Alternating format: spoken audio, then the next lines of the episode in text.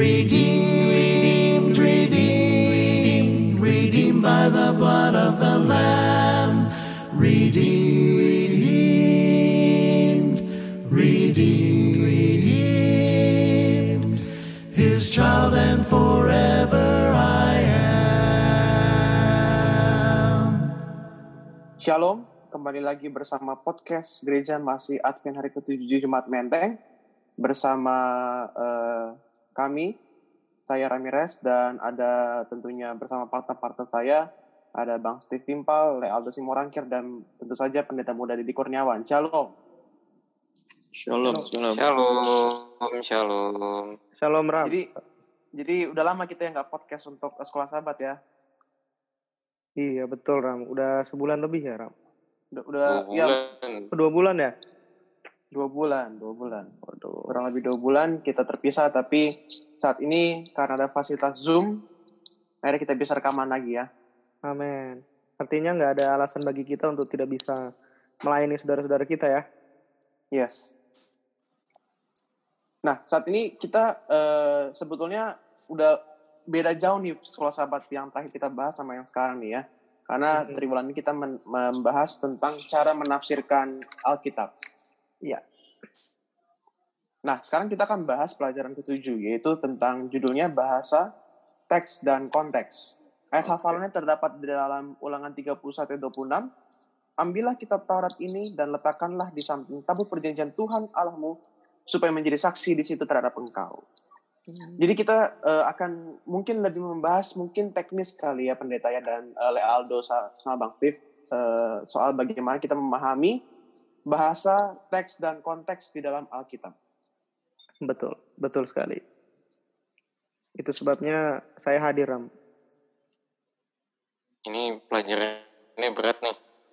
Siap, siap. Butuh banyak lebih dominan pendeta Dedi nih. Siap, siap.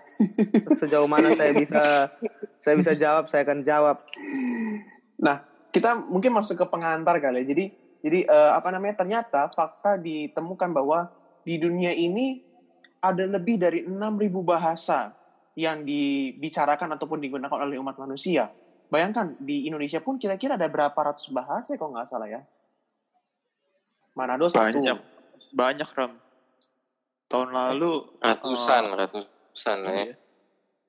Tahun lalu kita kan ke- ada ke itu tuh PA ada nggak bawa ke lembaga Alkitab. Nah Mhm. itu itu banyak banget Ram. Maksudnya memang berbagai bahasa lah. Hmm. banyak ya. Nah, Banyak tapi banget. Tapi uniknya adalah bahwa dengan banyaknya bahasa yang sudah kita ketahui itu yang ditranslate, sorry, jadi Alkitab dari bahasa aslinya ditranslate ke banyak bahasa, ternyata belum semua umat manusia mendapatkan Alkitab yang sesuai dengan bahasa utama mereka. Jadi kita sangatlah beruntung karena kita mempunyai Alkitab sendiri bahasa Indonesia yang bisa kita baca dengan ya kapan saja kita mau baca gitu. Dan kita Betul. bisa baca 24 jam sehari. Betul, malahan ada terjem- ada yang diterjemahkan ke bahasa daerah masing-masing. Yes, betul. Ada bahasa Batak, bahasa Jawa ada ya pendeta ya, ada bahasa Iya, bahasa Ada Manado Jawa. Saya kurang tahu tuh. Nah, jadi kita akan eh, pelajari bagaimana eh, kita akan memahami bagaimana cara kita memahami bahasa, teks dan konteks yang ada dalam Alkitab. Karena di sini kita akan pelajari tentunya berhubungan dengan eh, tema besar eh, sekolah sahabat ya, yaitu cara menafsirkan Alkitab. Nah, sekarang mungkin Lealdo kali bisa me- apa namanya memberikan pemaparan sedikit gambaran besar sekolah sahabat kita pada minggu ini.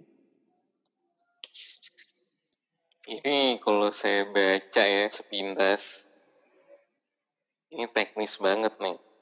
Saya baca nggak ada yang ngerti saya. Tapi intinya, kalau yang saya dapat eh, bahwa yang saya dapat kayak bahwa kita tuh harus mengabarkan gini komunikasi itu kan penting bahasa kan. Nah, bagaimana kita bisa mengkomunikasikan pekabaran Tuhan eh, supaya orang semua bisa terima, supaya so- semua orang bisa mengetahui, itu kalau bahasanya nggak nyampe. Kadang-kadang kita ngomongin sesuatu yang udah sama nih kita sama-sama bahasa Indonesia, kita berdiskusi Alkitab aja kadang-kadang pengertian orang aja berbeda. Itulah makanya pentingnya di sini eh, bahasanya itu harus diterjemahkan untuk semua orang supaya semua orang ngerti. Terus makanya ada juga yang bilang kata-kata dan artinya gitu supaya ya orang jadi mengerti gitu. Karena kadang-kadang kita berdiskusi aja ya kayak di Menteng tidak bisa dipungkiri dan tidak bisa ditolak. Kalau kita udah apa yang habis makan siang kelas Daniel wah itu bisa kalau nggak di stopin itu bisa tiga jam. Padahal bahasanya sama-sama bahasa Indonesia. Kitab Danielnya sama nggak berubah.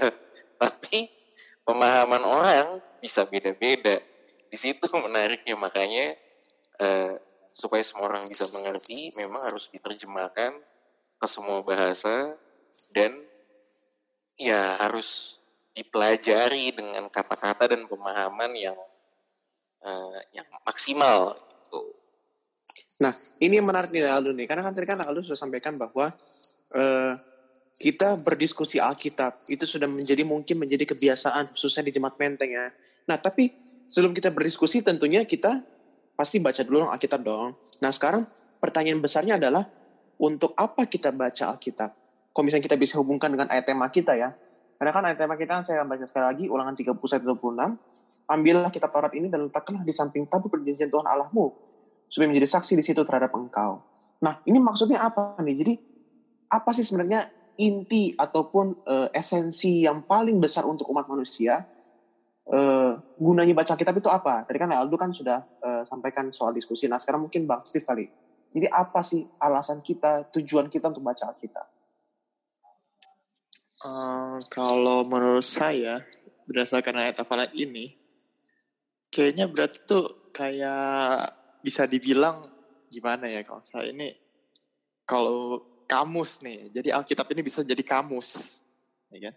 Kita bisa bisa dapat jawaban jawaban semuanya itu dari kitab ini dari buku Alkitab ini. Jadi dalam situ ada semuanya sama kayak uh, apa namanya?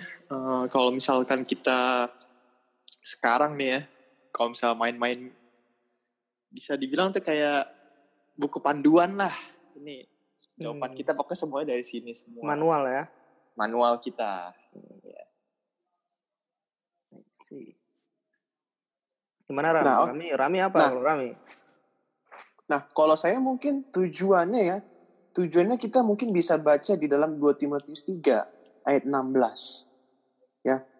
Kita bisa baca buka kitab kita mungkin uh, Bang Steve, Leol dan Pendeta bisa buka dan kita semua pendengar bisa buka di dalam 2 Timotius 3 ayat 16 saya akan bacakan segala tulisan yang diilhamkan Allah memang bermanfaat untuk mengajar, untuk menyatakan kesalahan, untuk memperbaiki kelakuan dan untuk mendidik orang dalam kebenaran. Jadi, Kan tadi kan kita sudah bahas bagaimana apa sih sebenarnya tujuannya kita membaca Alkitab. Ya. Nah, sekarang muncul pertanyaan apa tujuannya Alkitab diberikan kepada kita? Ini pertanyaan ini mungkin berbeda kata-katanya tapi relate sekali karena ternyata tujuan kita membaca Alkitab ataupun Alkitab diberikan kepada kita untuk mengajar, ya kan? Kita mengajarkan kepada orang yang belum mengerti, terus untuk menyatakan kesalahan, memperbaiki kelakuan dan untuk mendidik orang dalam kebenaran. Nah, yang uniknya lagi kalau misalnya kita lanjutin ke ayat 17. Dengan demikian, tiap-tiap manusia kepunyaan Allah diperlengkapi untuk setiap perbuatan baik. Wah, berarti dengan kita membaca firman Tuhan, outcome-nya adalah diper, kita akan diperlengkapi untuk setiap perbuatan baik. Nah ini gimana nih pendeta nih? Ataupun siapa pun nih mau, mau respon nih? Mantap ya Ram ya. Ternyata bahwa mempelajari Alkitab ada sesuatu yang kita bisa dapatkan. Yes. Bukan hanya sekedar untuk memperkaya pengetahuan kita ya. Betul. Karena kalau hanya sekedar memperkaya uh, pengetahuan kita, ya kita sekolah aja lah.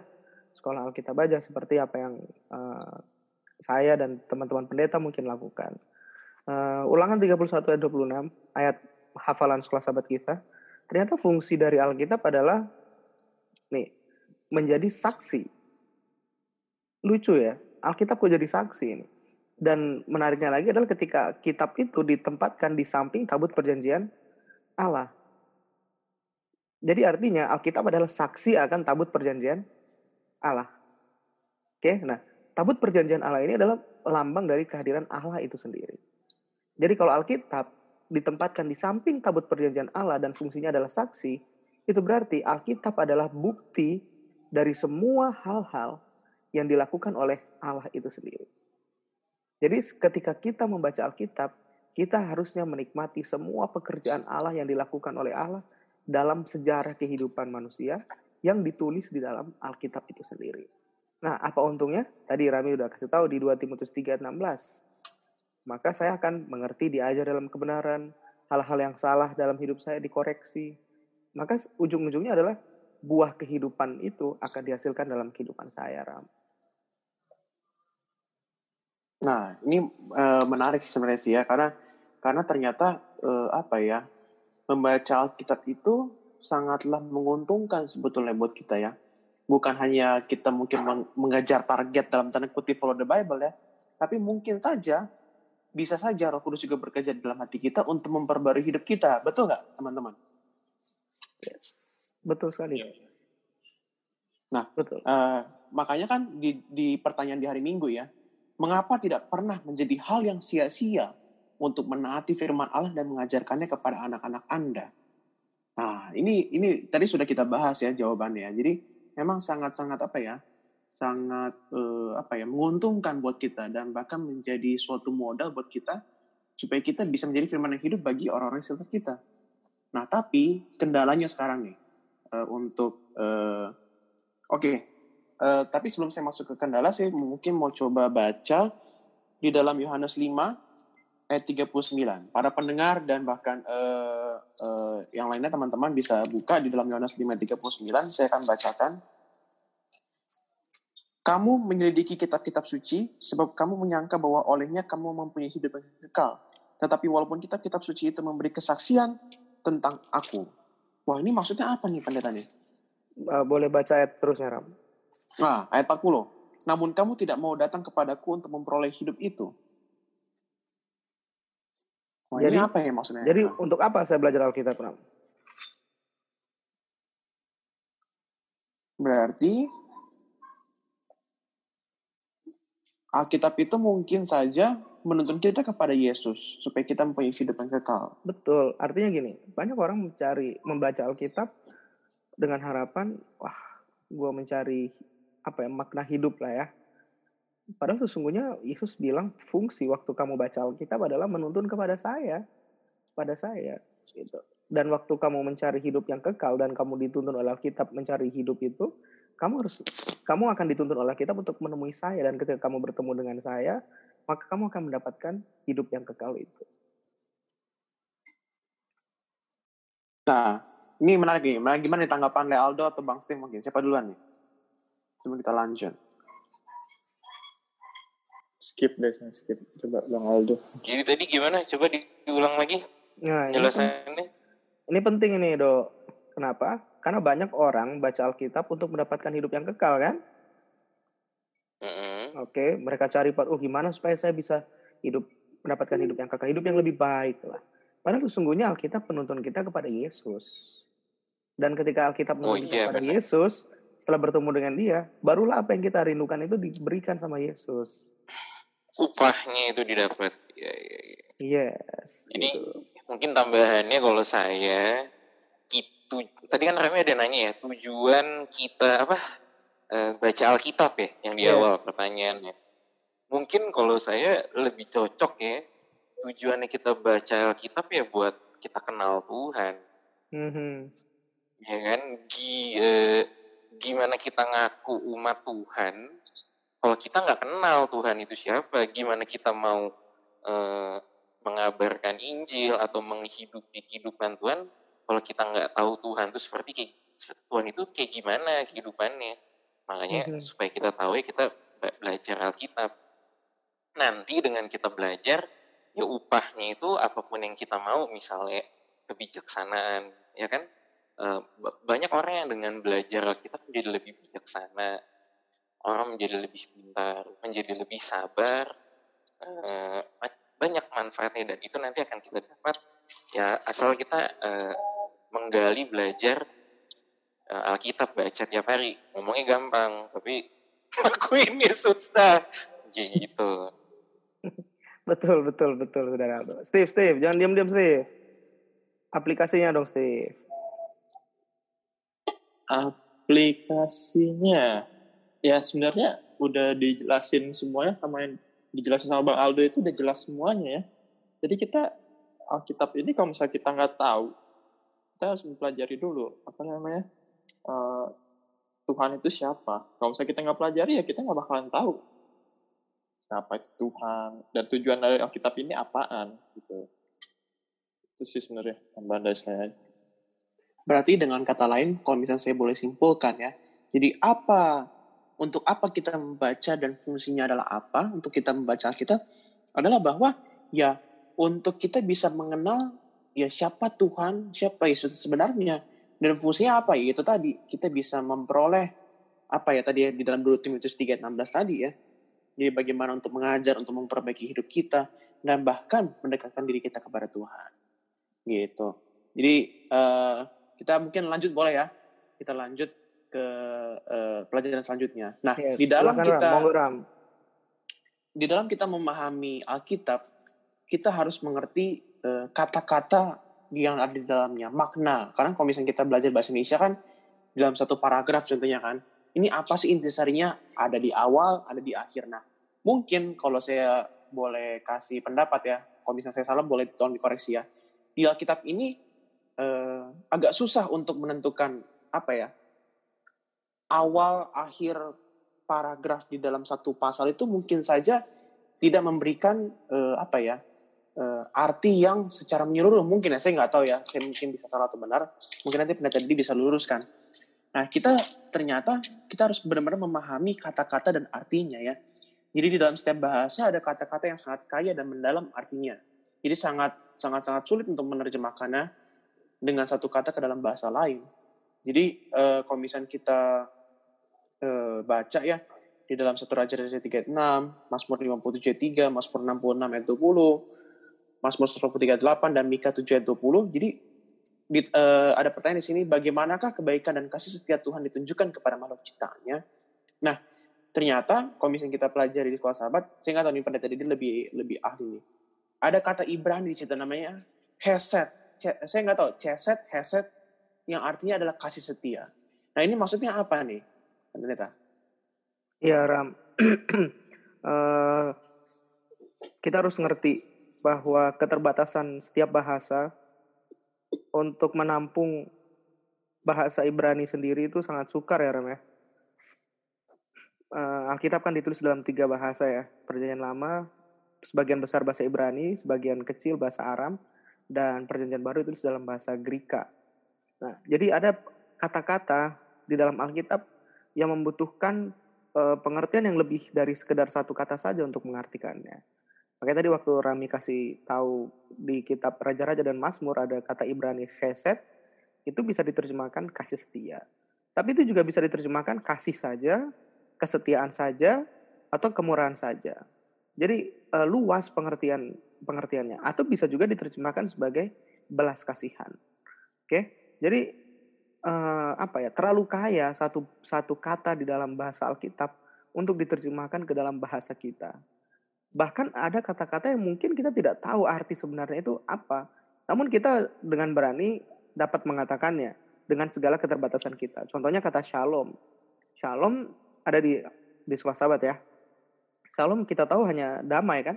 Padahal shalom itu adalah artinya sejahtera. Bukan hanya sekedar damai. Makanya di bahasa Indonesia eh, kata shalom tidak hanya bisa diterjemahkan damai, tapi harus ada kata sejahtera di belakangnya. Jadi shalom artinya damai sejahtera. Artinya walaupun saya nggak punya apa-apa, saya dalam keadaan hidup yang terbatas, tapi kalau saya punya damai dari Tuhan, itu akan menjadi jaminan bahwa hidup saya akan sejahtera. Kayak begitu Ram.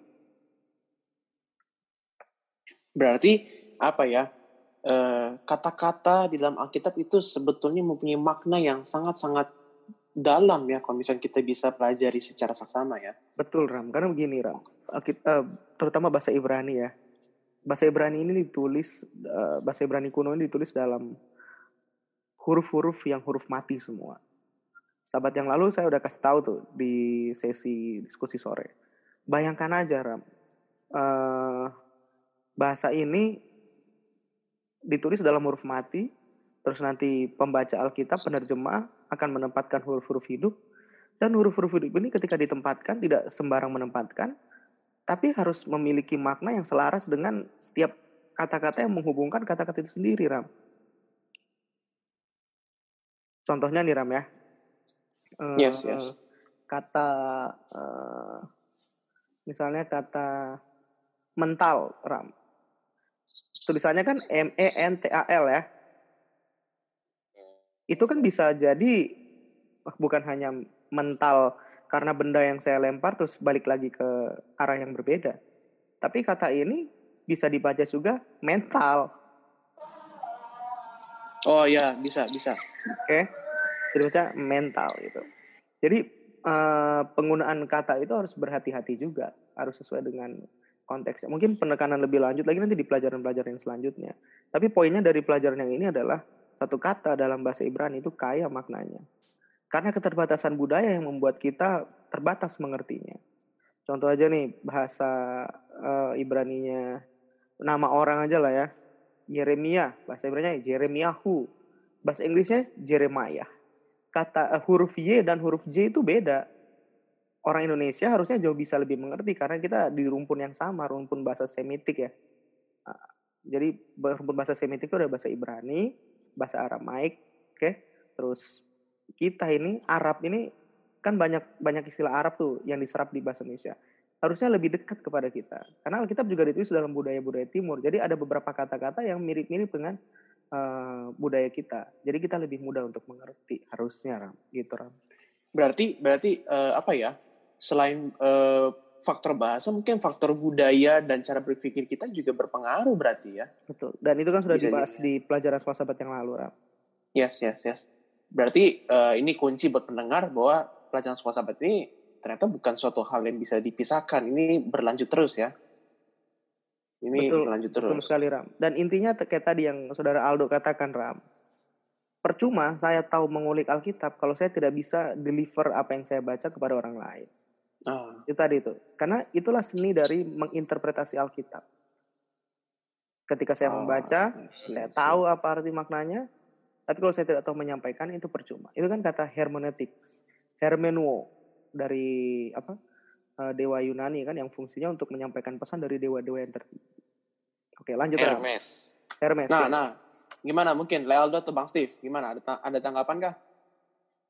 Steve, Steve. Ntar saya nambahin. Enggak sih. Jadi saya cuma mau ini aja nambahin sedikit. Berarti kayak kita kan selama ini pakai bahasa Indonesia. Tapi terkadang kita itu tidak mengerti bahasa sendiri kan, bahasa Indonesia. Betul, Steve. Bahkan kita itu harus membuka sampai Alkitab bahasa Inggris supaya kita mengerti satu kata, ya kan? Jadi tuh eh, di sini tuh memang menarik banget sih memang dibilang tuh kalau misalnya Alkitab itu setiap bahasanya itu kata-katanya itu sangat kaya. Jadi kita jangan cuma berpatokan pada satu satu bahasa mungkin. Jadi supaya kita mendapatkan lebih artian lebih jelas lagi itu, kita bahkan harus membuka dua sampai tiga Alkitab supaya kita mengerti satu kata itu. Yes. Betul Benar sekali. kan ya? Betul sekali. ya? Iya, itu pun bahasa Inggris pun masih ada bagian-bagian lagi ada New King James Version, ada yang lain lagi kan itu kita pengertiannya kadang-kadang suka Betul. kita bingung sendiri kan. Mengapa? Karena begini, Steve. Eh, Untuk menyampaikan kepada para pembaca, para penerjemah ini berpikir cara yang mudah untuk menyampaikan pesan yang ada di teks asli itu mau sampaikan. Jadi ada yang memang literal nih, kata demi kata.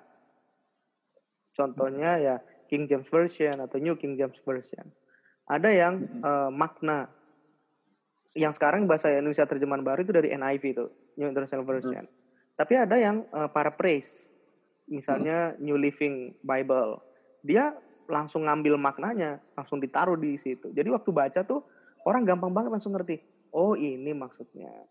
Tapi itu kan hanya aplikasinya, kita nggak ngerti basicnya apa. Kata-kata yang sebenarnya apa. Jadi tergantung bagaimana. Kalau bagi para eh, pengkhotbah, kita pakai New Living enak. Kenapa? Apa yang saya khotbahkan jadi lebih powerful karena ada maknanya. Tapi kalau untuk pelajar-pelajar Alkitab yang mendalami Alkitab pakai yang New King James Version, NIV, nah itu itu bagus loh. Karena pendekatannya literal, bukan paraphrase. Nah, sekarang pertanyaan aplikasinya adalah bagaimana cara kita menyikapi bahwa Alkitab kita ini ternyata kaya sekali dengan maknanya. Saya, Nah, saya mungkin- ada Ah, Lealdo coba. eh nggak gini. Tadi kan eh, kadang-kadang kita dari eh, saudara-saudara sepupu atau orang-orang yang di luar ya, apa orang-orang non Kristen kan suka bilang kayak eh, Alkitab tuh gimana sih? Asli nggak sih? Sedangkan kita sendiri kan kayak oh ya kita lebih bagus belajar kok. Eh, dari berbagai macam versi Alkitab gitu dan itu kan kadang-kadang seperti menjadi titik kelemahan kita gitu kayak kok artinya beda-beda sih lu mesti belajar dari beberapa versi Alkitab tuh kita menanggapinya gimana ya Bagus sekali pertanyaannya nih. Ini sama dengan begini nih. Waktu di sidang, nggak mungkin ketika sidang kita hanya menghadirkan satu saksi kan? Kenapa kita perlu banyak saksi?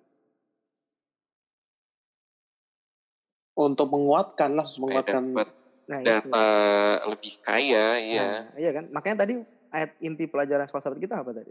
Apa fungsi Alkitab? Jadi saksi kan? Jadi semakin saya banyak membaca versi-versi Alkitab, harusnya semakin kaya pengertian saya terhadap Alkitab itu sendiri, bukan semakin ragu. Atau semakin, wah kok ini makin beda, ah udahlah, males gue baca Alkitab. salah. Berarti kita datang kepada kepada presupposition yang salah ketika saya membaca Alkitab. Gitu. Oke, oke. Berarti berarti eh, eh, apa ya? Kita sepakat ya bahwa eh, Alkitab itu mempunyai makna setiap katanya, bukan kalimat yang mungkin ya, setiap kata itu mempunyai makna yang dalam ya. Dan berhubungan makanya, Ram, berhub- Mm, Makanya Ram, saya mengajak kita semua. eh, kita harus belajar banyak dari saudara-saudara sepupu kita yang terutama beragama muslim. Mereka indah sekali ketika membaca Al-Quran dalam bahasa Arab kan. Bahkan dari Yes. kecil mereka sudah diajarkan. Kita, kalau udah pakai bahasa Indonesia, males kita baca Alkitab. Bahasa. Indonesia aja males kita baca. Apalagi disuruh baca bahasa asli. Gitu. Nah, memang memang lebih rumit ya kalau bahasa aslinya ya. Nah, Wah, itu berhubungan dengan pelajaran selanjutnya. Berhubungan dengan pelajaran, pelajaran selanjutnya, Pak Pendeta. Karena di dalam bahasa aslinya, salah satunya bahasa Ibrani itu nggak mengandung tanda baca. Betul. Kalau bahasa Ibrani memang nggak ada ram. Ada mungkin titik dua untuk menunjukkan bahwa udah habis titik kayak gitu. Makanya dari itu, misalnya pelajaran sahabat bilang bahwa ada cara lain ya untuk menyampaikan penekanan-penekanan untuk menyampaikan pesannya supaya tidak salah persepsi. Misalkan contohnya di dalam kejadian 1, 26 dan 27. Menciptakan, diciptakan. Kalau misalnya kita baca di New International Version, created, itu diulang tiga kali. Itu untuk menunjukkan bahwa ya memang Tuhanlah pencipta langit dan bumi seluruh isinya. Itu pene- ya, penekanan eh, apa namanya yang dilakukan oleh penulis yaitu di kejadian kalau misalnya kita baca yaitu Musa bahwa dia menekankan bahwa ya Tuhan yang menciptakan seluruh bumi dan isinya khususnya manusia pada saat itu. Nah, habis itu ada juga di sini di bacaan sahabat bilang bahwa di Daniel 3 ya. Jadi eh, frasa patung yang Nebukadnezar dirikan. Ini ada 10 kali ataupun variasinya 10 kali diulang dalam pasal Daniel pasal 3 ya. Untuk membandingkan perbuatan Nebukadnezar yang bertentangan dengan patung yang Allah singkapkan kepadanya melalui Daniel. Jadi penekanannya di sini adalah upaya manusia untuk menjadikan dirinya sebagai dewa yang harus disembah. Nah itu itu pesan yang, yang disampaikan oleh eh, Daniel tentang Nebukadnezar. Nah uniknya adalah bahwa eh, pertanyaannya adalah bagaimanakah kata-kata yang diulang-ulang yang ada dalam Alkitab diperluas dengan konsep yang berbeda yang diperkenalkan melalui pengulangan. Nah ini gimana nih? Mungkin Bang Steve kali atau Lealdo dulu sebelum ke pendeta. Pengulangan pola-pola kata dan artinya. Karena tadi kita sudah belajar tentang arti Alkitab itu sangatlah dalam. Nah kita perluas lagi bahwa di dalam Alkitab itu ada kata-kata pengulangan untuk menekankan sesuatu hal. Nah ini gimana nih?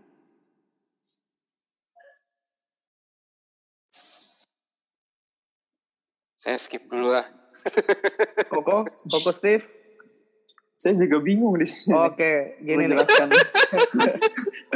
Eh, ingat nggak eh, kita kan masuk di tim pelayanan nih Steve sama kita di tim e-worship dan Aldo di tim Pelmas kita.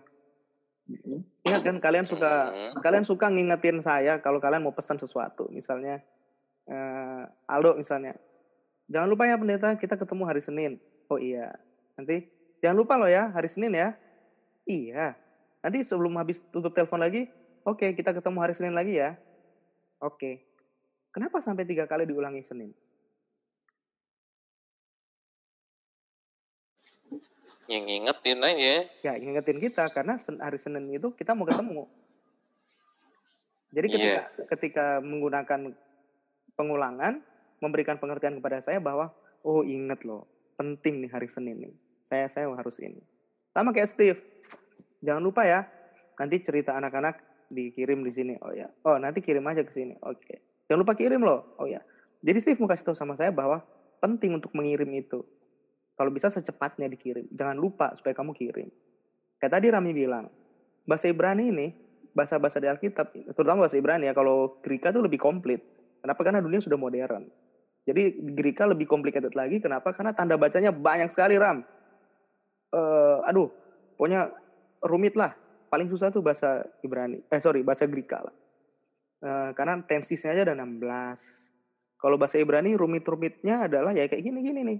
Contohnya nih, eh, mereka nggak punya bold. Kalau kita kan kalau nulis sesuatu, kalau kita mau menekankan kalau itu penting, kita kasih bold kan kalimat kita tuh, kata kita yang kita mau tekanin. Aldo bisa ketik, pendeta jangan lupa datang hari Senin ya. Seninnya Aldo kasih bold di WhatsApp. Oh saya harus notice bahwa Senin tuh saya harus ingat hari Senin tuh saya ada pertemuan dengan Aldo. Gitu. Nah bahasa Ibrani nggak ada kayak gitu. Boleh saja nih Musa misalnya atau siapalah penulis Alkitab hari Seninnya ditulis agak gede terus miring. Pembaca Ibrani nggak tahu kalau itu penting. Dipikirnya, oh mungkin Musa nih eh, mungkin la- lagi ada gangguan jadi ditulis kali ini hurufnya agak gede terus agak miring sedikit nih. Buat kita itu mudah, tapi kita beda gitu. Nah penulis Ibrani tidak seperti kita. Oh sorry, bahasa bahasa Ibrani tidak seperti kita gitu.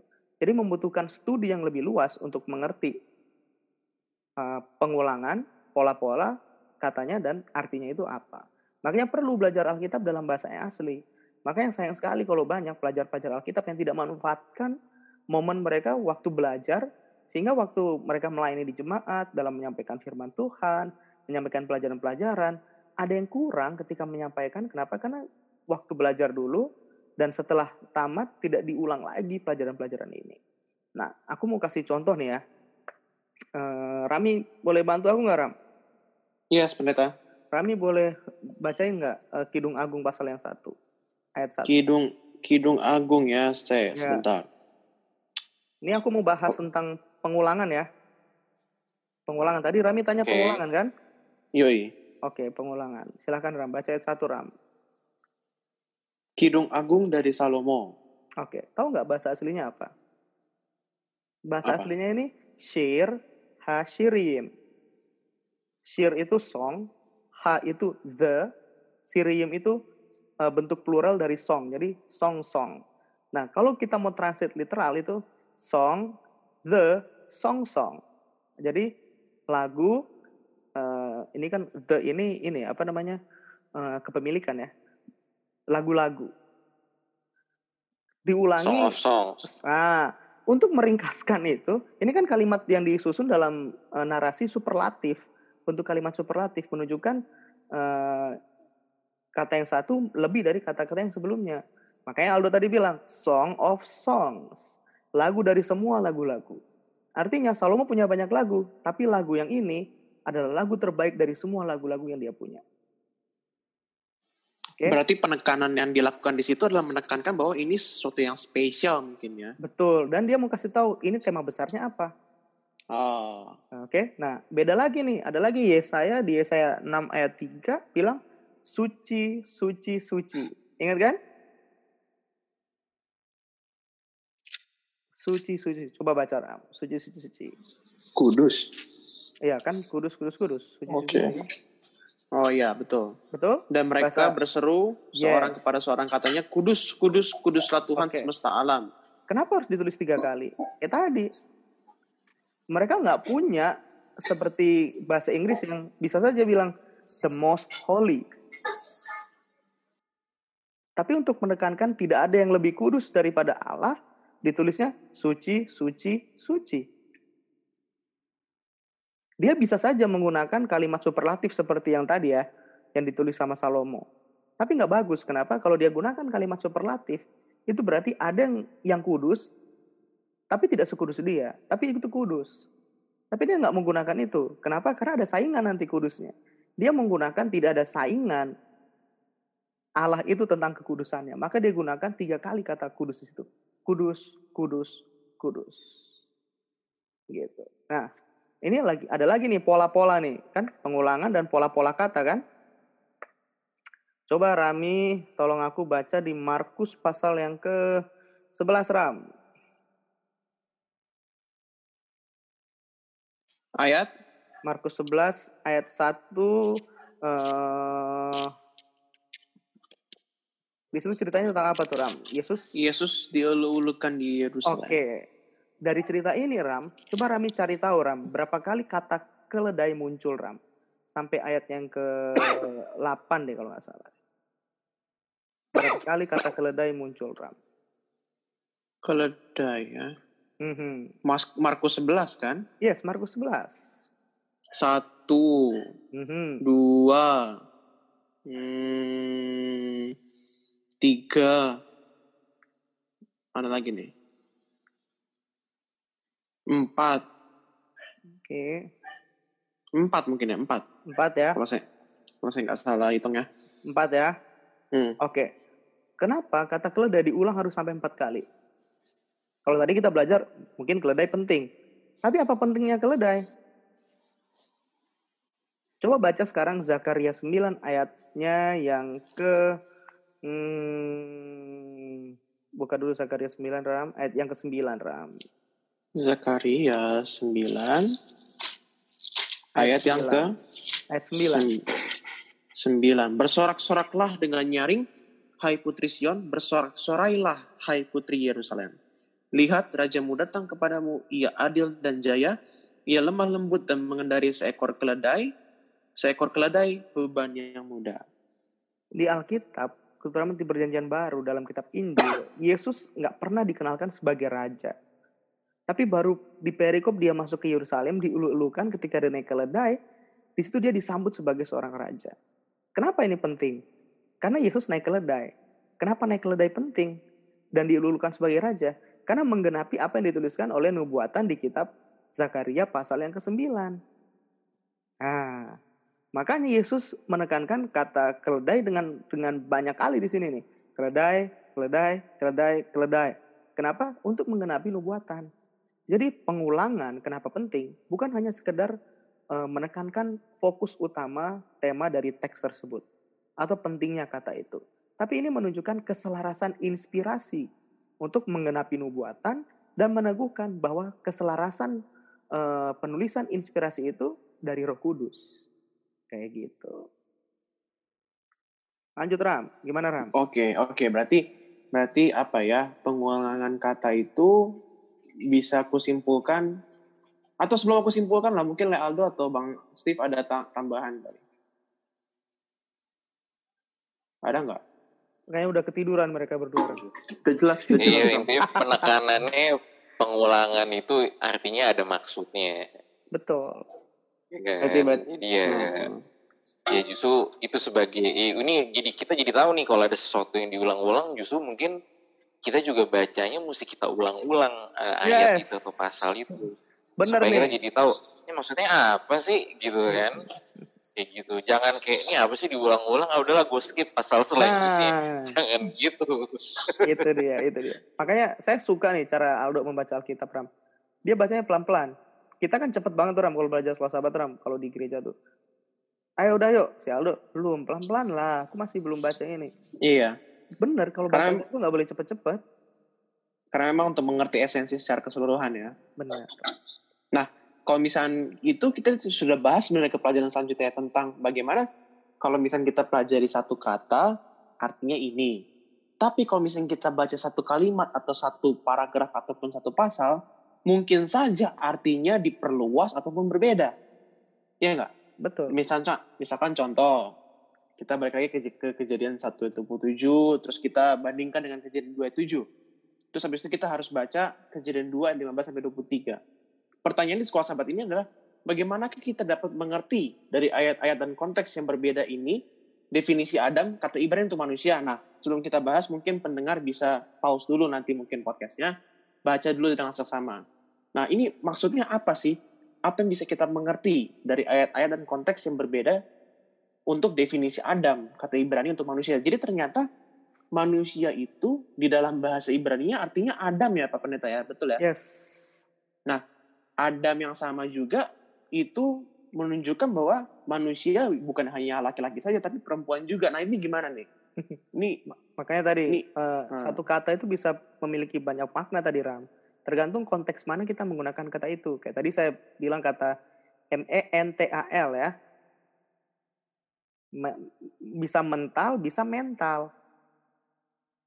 Tergantung konteks mana Rami menggunakan kata itu. Nah, sekarang Adam.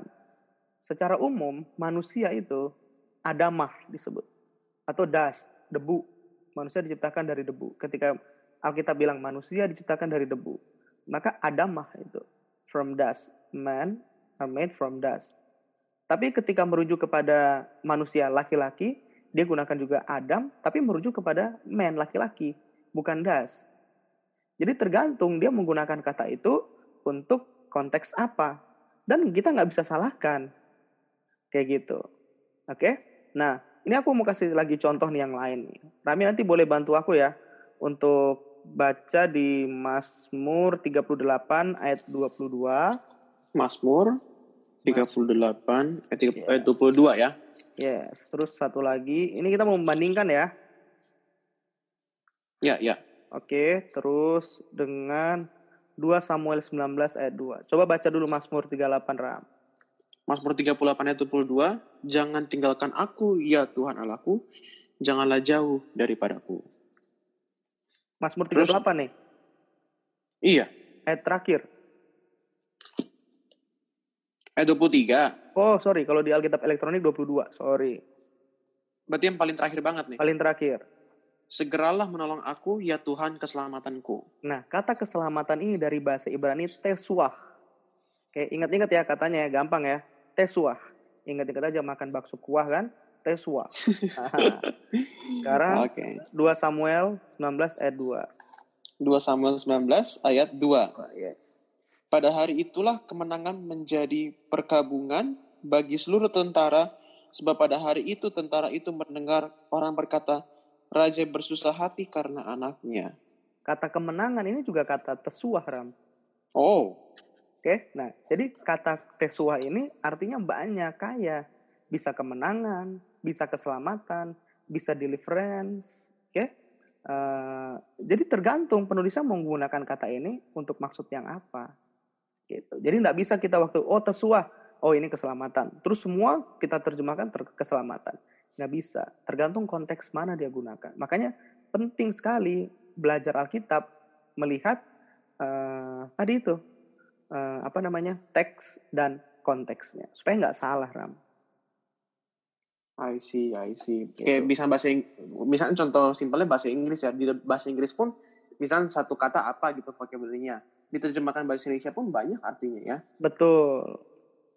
Nah, Oke, oke, oke, oke. Hmm. Nah, Makanya- gimana? Mungkin ah, gimana pendeta?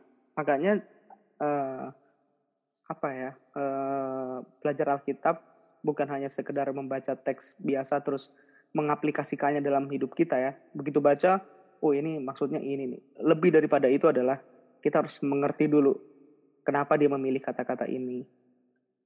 Terus kenapa kata itu dipilih sama dia, terus apa pentingnya sih kata itu dipilih? Kenapa dia nggak gunakan kata yang lain?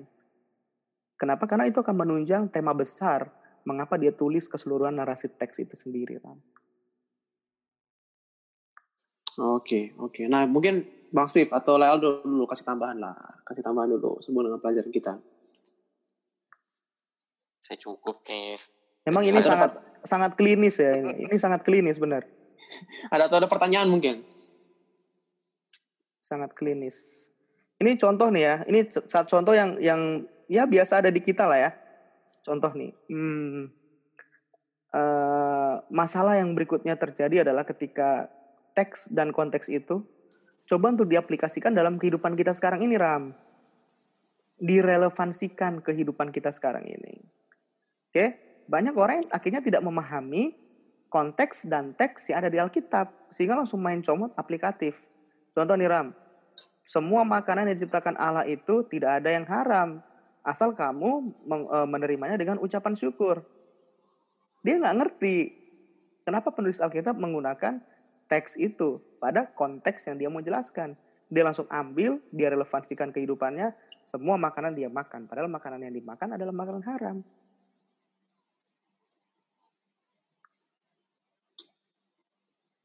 Halo? Berarti Oh. berarti berarti eh, apa ya? Eh, kita harus hati-hati ya dalam memahami konteks eh, penulis menuliskan apa ya. Teks dan konteks, Ram. Ingat, Karena kan teks dan konteks. Teks dan konteks ya. Kenapa? Ini kayak gini nih. eh, terjadi misalnya nih, terjadi kecelakaan di depan rumahnya Rami, oke? Semua orang nggak boleh deket-deket tiba-tiba polisi datang langsung digarisin semua. Apa yang polisi lakukan Ram? Olah kejadian perkara. Oh, bahasa kerennya kan olah TKP ya. Yoi. Oke. Kenapa perlu olah TKP? Diinvestigasi. Untuk mengetahui kebenaran sebetulnya apa yang terjadi toh. Yes, itu dia. Disesuaikan nanti. Benar nggak ini? Benar. Kayak gitu harusnya baca Alkitab itu. Disesuaikan dengan apa ya? eh, kesaksian dari saksi mata ya. Kalau ada. Yes, itu dia. Alkitab seharusnya di, di- menikmati dengan cara begitu. Jangan langsung diaplikasikan. Berarti berarti apa ya? Eh, mungkin bahasa mungkin agak kasarnya kita belajar Alkitab memang betul-betul harus dengan hati-hati dan memahami konteks latar belakang penulis mungkin ataupun latar belakang budaya dan segala macamnya ya. Betul. Dan ini Ram, kelemahan kami para pendeta yang kurang sekali menekankan hal ini eh, dalam setiap pengajaran-pengajaran. Kenapa? Saya sendiri pun mengakui bahwa bagian klinikal ini sangat lemah gitu. Hmm, Jadi ketika orang datang ke saya, secara tidak langsung saya tidak bisa memenuhi keingintahuan mereka sehubungan dengan teks yang mereka baca. Ini kan fatal, padahal saya sekolah untuk itu. yes, yes. Gitu. Nah, oke. Berarti kan kita tadi kan sudah mengerti ya. Jadi bagaimana kita harus memahami teks dan konteks secara keseluruhan, entah itu kita baca satu pasal ataupun satu perikop. Nah, lebih luasnya lagi secara makro kita lihat bahwa ternyata Alkitab ini pun secara keseluruhan itu terbagi menjadi beberapa bagian. Contohnya ada kitab sejarah, ada kitab nabi-nabi besar, nabi-nabi kecil kita sudah pelajari ya. Kitab Injil, eh, dan segala macamnya lah kita bisa kita bisa eh, eh, pelajari itu di lain waktu ya. Tapi kita fokus kita adalah bahwa ternyata adalah eh, kitab-kitab dalam Alkitab itu ditulis dengan tujuan dan latar belakang yang berbeda-beda. Beberapa kitab dimaksudkan sebagai pekabaran kenabian, kayak Mazmur. Ya, kan Mazmur kan merupakan kompilasi. Ada juga seperti kitab eh, satu dan dua raja-raja. Ada surat-surat ke berbagai gereja, itu kan eh, kepada jemaat Korintus dan segala macamnya. Terus eh, eh, itu yang ditulis oleh Paulus ya dan rasul-rasul lainnya. Nah sekarang eh, apa ya? Kalau misalnya kita bisa lihat eh, contohnya ya, ada juga kitab-kitab yang tidak diketahui penulisnya. Seperti contohnya eh, apa ya? Kitab Esther dan Ruth. Saya nggak tahu sih itu siapa yang nulis ya. Ya, Kitab Esther dan Ruth mungkin nanti pendeta bisa sampaikan kayak. Kalau misalnya lima kitab perjanjian lama yang pertama, itu kan Musa kan yang kita ketahui kan kejadian, keluaran, imamat, bilangan, ulangan. Nah itu apa ya istilahnya ya? Eh, kalau misalnya kita ambil contohnya deh, misalnya contohnya seperti eh, yang Musa tulis di kitab kejadian. Jadi kalau misalnya kita baca di kejadian 15 ayat 1 sampai 5 dan kejadian 22 ayat 17 sampai 18, apakah arti pentingnya bagi kita bahwa adalah Musa penulis kitab kejadian? Padahal kalau misalnya kita baca dalam ayat yang tadi saya sudah sebutkan, tidak ada nama Musa tertulis dalam situ pendeta. Betul Ram, betul sekali itu Ram. Nah itu itu Lanjut, oh lanjutin lagi pertanyaannya. Oh udah selesai. udah itu itu gimana ya maksudnya apa arti pentingnya bagi kita bahwa Musa adalah penulis kitab kejadian padahal sebetulnya di dalam ayat tersebut Musa pun tidak di- disebutkan namanya di situ. Hmm, ini ini bagus ya. Eh, eh, teman-teman dulu lah, jangan saya Ah. dulu. Leal dulu atau Bang Steve dulu lah. Gue mau jawab apa? Gimana cara menyikapinya kalau ternyata kita nggak pernah tahu sumber otoritasnya siapa yang nulis ini? Gimana kita tahu kebenarannya? Ini memang Oh, agak eh, ini ya, eh, ini nggak tahu deh. Kadang-kadang kayak di di di denominasi kita, kayak mengenai sejarah-sejarah Alkitab itu kurang di apa ya, kurang di digalakan. Nggak tahu ya. Kalau saya sih merasa kurang ya, karena kan Alkitab kita ini ada dari perjanjian lama dan perjanjian baru itu kan ada step-stepnya gimana itu bisa terjadi kan ada yang kanonnya ada Council of Nicaea ada Council kan kayak gitu-gitu kan gimana akhirnya tuh ada orang yang menentukan masuk atau tidaknya karena Alkitab zaman dulu tuh banyak banget dan banyak orang yang gak jelas juga bikin-bikin Alkitab apa kitab-kitab kayak gitu. Ini ini yang juga saya sih tanda tanya saya juga agak bingung ya makanya kayak apakah pentingnya kejadian keluaran itu yang tulis Musa itu saya juga agak bingung. Makanya saya nggak tahu mau jawabnya gimana. Mhm. Ini penting nih apa yang Aldo kasih tahu ya. Karena eh, ya inilah sebenarnya bukan kelemahan ya, mungkin karena tidak banyak orang-orang yang tahu dan punya sumber itu untuk diceritakan kepada anggota-anggota jemaatnya. Makanya tadi saya kasih tahu Ram, ini inilah salah satu hal yang jadi PR besar bagi para pendeta-pendeta, tokoh-tokoh gereja untuk coba menjelaskan sejarah gereja itu sendiri. Mulai dari Yesus sampai dengan perkembangan gereja kita sekarang ini. Kenapa? Karena kita berfokus terus pada reformasi. Karena di situlah cikal bakal gereja kita berdiri kan, reformasi, terus eh, 1844, terus dan lain sebagainya. Cerita-cerita yang dulu yang kita tahu hanya Dark Ages, eh, Roma kepausan dan lain sebagainya, itu-itu doang yang kita tahu. Tapi background ceritanya yang lain yang sangat fundamental seperti yang Alu tadi katakan, kenapa bisa Alkitab dibentuk dan dikanonisasikan dengan 66 buku. Kenapa yang lainnya enggak? Sementara ada gereja lain mungkin yang punya lebih dari sekedar 66 buku.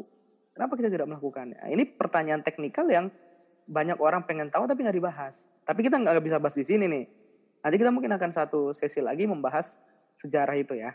Boleh, boleh, boleh. Ya, Steve, Steve, ada pandangan nggak Steve? Eh, kalau saya sebenarnya bukan mau menjawab ya, mungkin jadi sedikit jadi pernyataan tambahan ya. Jadi eh, kalau tadi di pertanyaan tadi itu kan dibilang kan apakah arti pentingnya bagi kita bahwa adalah Musa penulis kitab kejadian. Jadi saya pernyataannya adalah eh, kalau berarti penulis-penulis Alkitab ini adalah orang-orang pintar, ya kan? yang ditunjuk oleh Tuhan. Dan mereka ini eh, menggunakan mungkin apa ya bisa dibilang tuh kayak meramu, meramu sebuah kalimat supaya kita zaman-zaman sekarang ini yang baca Alkitab itu jadi lebih tertarik kayak membaca Alkitab. Jadi kita apa namanya? Karena dibilang kan kalimatnya itu bukan cuma kita kok tadi kan dibilang kita itu untuk mengartikan satu kata pun kita harus baca bisa sampai dua pasal, tiga pasal dan selebihnya. Jadi ini kayak unik ya memang. Kayaknya memang dibikin supaya kayak apa namanya? Kita tuh ingin tahunya tinggi supaya kita membaca lagi nih ke kitab-kitab Hmm. yang lain gitu. Jadi saya cuma Hmm. kasih pernyataan aja sih kalau misalnya Alkitab ini dia mau menyampaikan kalau ini Alkitab ini menarik loh. Jadi kalau misalnya mau nyari satu kata itu nggak cuma ada di kitab saya, coba ada di kitab yang lain lagi Hmm, gitu. hmm, hmm. Coba. Ini bagus, bagus ini nih. Eh, kalau aku aku mau jawab nih Ram nih. Boleh, boleh, Oke, boleh, oke. boleh. Eh, apa pentingnya kenyataan bahwa lima buku itu Musa yang tulis? Eh kejadian saja atau lima kitab ya? Kejadian aja ya. Harusnya lima ya. ya. Ini Tapi nanti, tapi nanti kita bahas di sesi selanjutnya pendeta. Oke oke. Apa pentingnya kejadian itu ditulis oleh Musa adalah Musa adalah tokoh yang satu bilangan 13 bilang dia adalah eh bilangan 13 atau bilangan berapa ya? Nanti salah lagi aku. Eh bilangan 12 ayat 3 orang yang sangat lemah lembut. Dia tidak menceritakan tentang dirinya. Biasa nih penulis Alkitab nih. eh, dari Paulus kepada jemaat di Menteng. Hai saudara Aldo pemimpin Pelmas. Gitu kan? Halo saudara Ramirez dan Steve tim e-worship. Biasa begitu. Tapi lihat bagaimana Musa menceritakan kitab kejadian diawali dengan pada mulanya Allah menciptakan langit dan bumi. Musa tidak memperkenalkan dirinya di sini, tapi yang diperkenalkan adalah Allah. Jadi dalam merangkai setiap tulisannya, Musa menonjolkan dan memperkenalkan Allah. Allah, bukan dirinya. Itu cocok dengan apa yang bilangan 12 ayat 3 tadi katakan. Musa adalah orang yang humble. Dia tidak tonjolin otoritas dirinya sebagai pemilik buku itu, dokumen itu. Tapi dia tonjolin Allah yang ada di balik sumber inspirasi yang dia tulis dalam penulisan kitab kejadian itu sendiri. Betul, kalau bahasa Indonesia lemah lembut. Kalau di international, international version bilang a very humble man. Nah, yes, itu dia.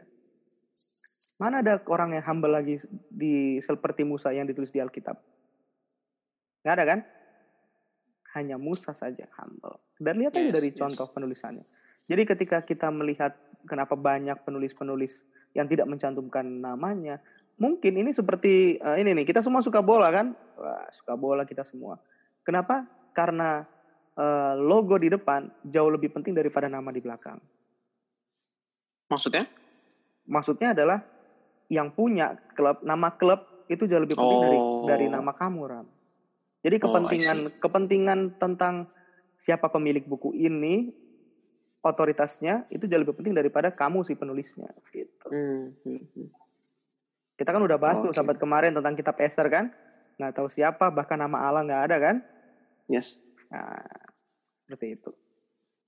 Berarti eh, kalau misalnya kita pertanyaan yang lebih jauh lagi ya sebelum kita masuk ke kesimpulan nanti ya. Eh, apakah yang diajarkan hal ini kepada kita tentang betapa pentingnya firman Allah bagi iman kita? Ya, mungkin ini bisa kita jawab. Mungkin Bang Steve atau Lealdo kalau bisa jawab. Dan mungkin pendengar podcast bisa merenungkannya juga sama-sama dengan kita ya. Mhm. Nah gimana Bang, Bang Aldo, eh, Bang Steve dan Lealdo?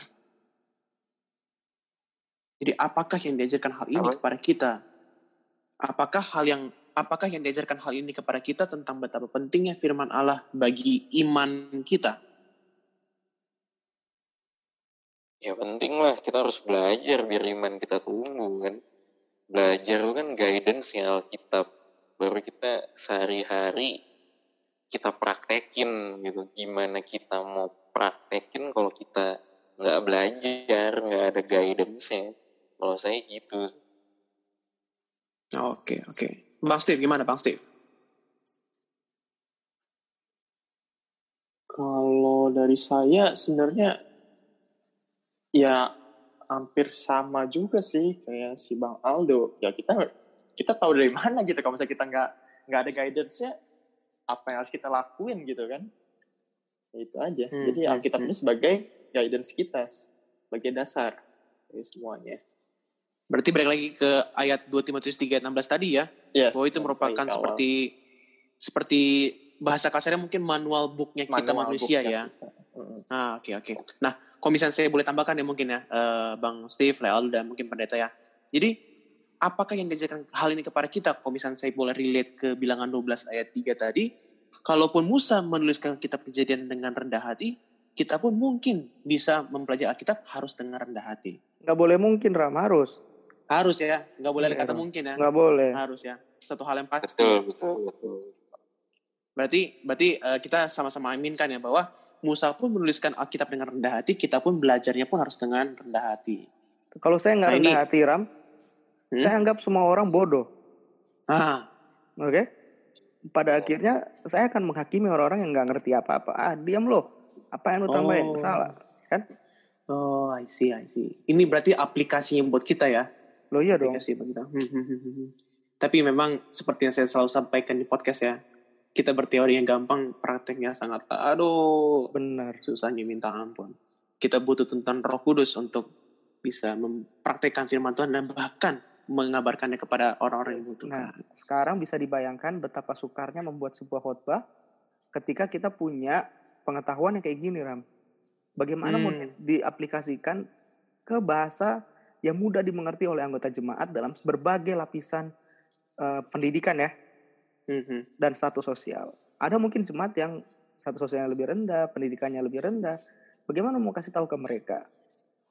Lebih tertantang lagi kayak di Menteng menyampaikannya. Kalau sederhana dibilang, ah cetek banget nih pengetahuannya. Kalau terlalu tinggi, ah sok tinggi banget sih bahasanya. Jadi bingung kan? Hmm, hmm, hmm. Oke, nah sekarang kita mungkin masuk ke bagian akhir ya, ke bagian kesimpulan. Jadi kita pelajari, kita sudah mempelajari ya, bagaimana ternyata eh, apa ya eh, bahasa, teks dan konteks dalam Alkitab itu sangatlah penting buat kita. Mulai dari kita mempelajari tujuannya kita baca Alkitab apa sih, dan bagi eh, terus tujuannya kita memahami kata per kata, kalimat per kalimat, dan bahkan satu pasal ataupun seluruh kitab secara keseluruhan itu seperti apa gunanya untuk kita dan keuntungan untuk apa. Nah sekarang mungkin sebelum kita kas- eh, akan disimpulkan, mungkin eh, Bang Steve sama Male Aldo lah kasih satu strong point ataupun kesimpulan ataupun tambahan se- sehubungan dengan pelajaran kita minggu ini. Steve duluan Steve. Oke, kalau dari saya, jadi gimana ya, Alkitab ini ini adalah suatu hal yang apa namanya eh, kita ini kalau seperti tadi saya kata bilang tadi, eh, jadi Alkitab ini kita nggak bisa baca dari satu ayat aja, ya kan? Kita kalau misalnya ingin men- mengerti lebih dalam lagi, kita harus baca ke ayat selanjutnya atau ke pasal-pasal yang lainnya. Jadi Alkitab ini adalah suatu buku yang bisa dibilang unik, ya kan? Karena kalau misalkan kita eh, dibilang unik karena penciptanya tadi banyak kan, penciptanya banyak dan ini penciptanya ini adalah yang penulis ini adalah orang-orang pintar nih, bukan orang sembarangan yang ditunjuk oleh Tuhan, ya kan? Jadi kalau misalnya kita mau memperdalam Alkitab itu, ya kita intinya kita itu harus memang harus banyak-banyak baca dan kita itu harus berdoa. Intinya adalah berdoa untuk mengerti maksud dari Alkitab tersebut. Oh, Oke Bang Steve, thank you. Lealdo, Ya, Lealdo. Ini tambahan ya. Jadi benar, intinya berdoa. Alkitab ini kan menceritakan kisah dari eh, ya Tuhan da- dari sebelum ya Tuhan dia menciptakan terus sampai akhirnya dia lahir, dia menebus kita murid-muridnya. Bisa dibilang penuh misteri karena ilmu pengetahuannya isinya ini semua tentang Tuhan. Jadi kuncinya itu di berdoa itu. Sebelum kita baca, kita doa, minta pengetahuan, kebijaksanaan, pengertian, itu kan sumbernya dari Tuhan juga. Nanti setelah itu, itu mungkin akan seperti ada sebuah tirai yang dibuka dari mata kita atau dari pikiran kita supaya "Oh, ternyata ini ya artinya. Dan memang hmm, kita dalam membaca Alkitab bukan hanya dalam satu ayat atau satu eh, kitabnya aja, tapi Alkitab secara keseluruhan itu memang ada baiknya harus berulang-ulang. Dengan kita mengulangi, ada kebijaksanaan, ada inspirasi, ada ilmu baru yang nanti Tuhan akan buka, Tuhan akan tambahkan. Jadi memang eh, dan Tuhan ya akan kasih eh, pengetahuan itu kalau kita memang mau berulang-ulang baca. Gitu. Jadi ya mari kita dalam membaca Alkitab. Mau kita kan mau ngerti Tuhan nih tujuan kita kan mau ke surga kita pengen tahu. Gitu. Kita pengen eh, berkat kepintaran berkat kesejahteraan kesehatan. Ya kuncinya kita dari ini dari Alkitab ini. Kita doa sama Tuhan Tuhan kasih saya pengetahuan kasih saya pengertian kasih saya kebijaksanaan. Kita baca berulang-ulang dengan rajin Tuhan kan juga ngeliat. Nih eh, Aldo eh, minta tapi dia ngelakuin nggak sih? Setia nggak sih? Kadang-kadang kita berpikir eh gini loh kadang-kadang kita berpikir doa itu udah cukup. Doa itu kan kita komunikasi sama Tuhan satu arah loh. Sekarang coba bayangin kalau saya ngomong sama Rami atau pendeta Didi tapi saya terus yang ngomong yang ada pendeta Didi ini Aldo ngomong terus kapan gua ngomongnya Tuhan itu ngomong melalui Alkitab Amin. Tuhan itu Amin. ngomong sama kita itu melalui Alkitab Amin. kalau kita ngomong melulu tapi kita nggak pernah dengar Tuhan mau ngomong apa, ya ya komunikasinya satu arah. Tuhan bisa jadi, nih Aldo doa mulu nggak pernah dengar gue ngomong. Baca dong Alkitab gue. Kayak gitu lah. Itu tambahan dari saya. Strong point ini Ram. Yes, yes. Pendeta Dedi, satu kalimat atau ada? Oh, iya iya iya, satu kalimat aja. Eh, bahwa pemahaman saya, ini saya secara pribadi nih ya, akan suatu kata, terus kedalaman arti kata itu seharusnya dapat membantu saya melihat tujuan Allah dalam kehidupan saya. Itu aja Ram. Oke. Jadi, kalau bisa saya bisa simpulkan terakhir adalah bahwa eh, Alkitab diberikan kepada kita supaya menjadi pengetahuan bagi manusia apa yang perlu kita perlukan untuk keselamatan. Bagaimana kehendak Allah yang teguh dan penuh kuasa dan bagaimana meskipun jadi Allah menyatakan kehendaknya kepada manusia melalui firman-Nya, kehadiran dan turunan Roh Kudus yang terus-menerus tetap diperlukan bagi kita. Jadi eh, para pendengar setiap podcast eh, eh, sekali lagi selalu kita sampaikan bahwa memang tidak berteori tetapi prakteknya itu berteori itu gampang tapi praktek itu susah. Tapi biarlah kita menggunakan Kudus untuk supaya kita bisa lebih memahami dan bahkan menjadi pelaku firman yang baik ya, pendeta. Betul sekali Ram, betul sekali. Oke. Jadi eh, sekali lagi selalu kita sampaikan bahwa eh, jangan terpaku sama podcast kita. Jadi kita kita mengajak semua kami mengajak semua eh, jemaat yang mendengarkan untuk membaca juga sekolah sahabatnya. Jadi kita ini mungkin sebagai apa ya? Apa ya? Sebagai apa nih pendeta ini bahasa yang enaknya? Eh, ki- kita membantu teman-teman yang semangat. Ah, itu tuh tuh tuh tuh tuh. Ah. tuh. Me- memicu, memacu, memicu semangat eh, para pendengar untuk membaca sekolah sahabat. tuh. Mungkin eh Lealdo atau Bang Steve nih yang mau berdoa nih buat kita nih sebelum kita akhiri podcast kita. Steve lah, Steve, Steve, berdua Steve. If lah. Oke. Kita berdoa. Terpujilah Tuhan, Allah Bapa kami, Allah pencipta kami. Tuhan, terima kasih atas berkat kasih karunia, karunia yang telah Engkau berikan kepada kami masing-masing hingga pada saat ini Tuhan. Tuhan, tadi kami sudah membahas mengenai sekolah sahabat. Tadi kami sudah membahas mengenai bahasa, teks, dan konteks. Biarlah kita diberikan, diturunkan roh kudus dari surga, supaya kami dapat mengerti maksud-maksud dari Tuhan yang diberikan kepada kita melalui Alkitab. Dan juga turunkan juga roh pengertian supaya kami dapat mengerti maksud-maksud Allah di dalam yang tertulis dalam Alkitab. Terpujilah Engkau Tuhan, kiranya Engkau mengampuni kesalahan kami yang sudah kami lakukan, baik sengaja maupun tidak sengaja. Di dalam nama Yesus kami sudah berdoa dan bersyukur. Amin. Amin. Amin. Terima kasih telah bergabung bersama podcast Gereja Masih Advent Hari Ketujuh Jumat Menteng. Sampai bertemu di kesempatan selanjutnya. Tuhan Yesus memberkati. Shalom. Halo.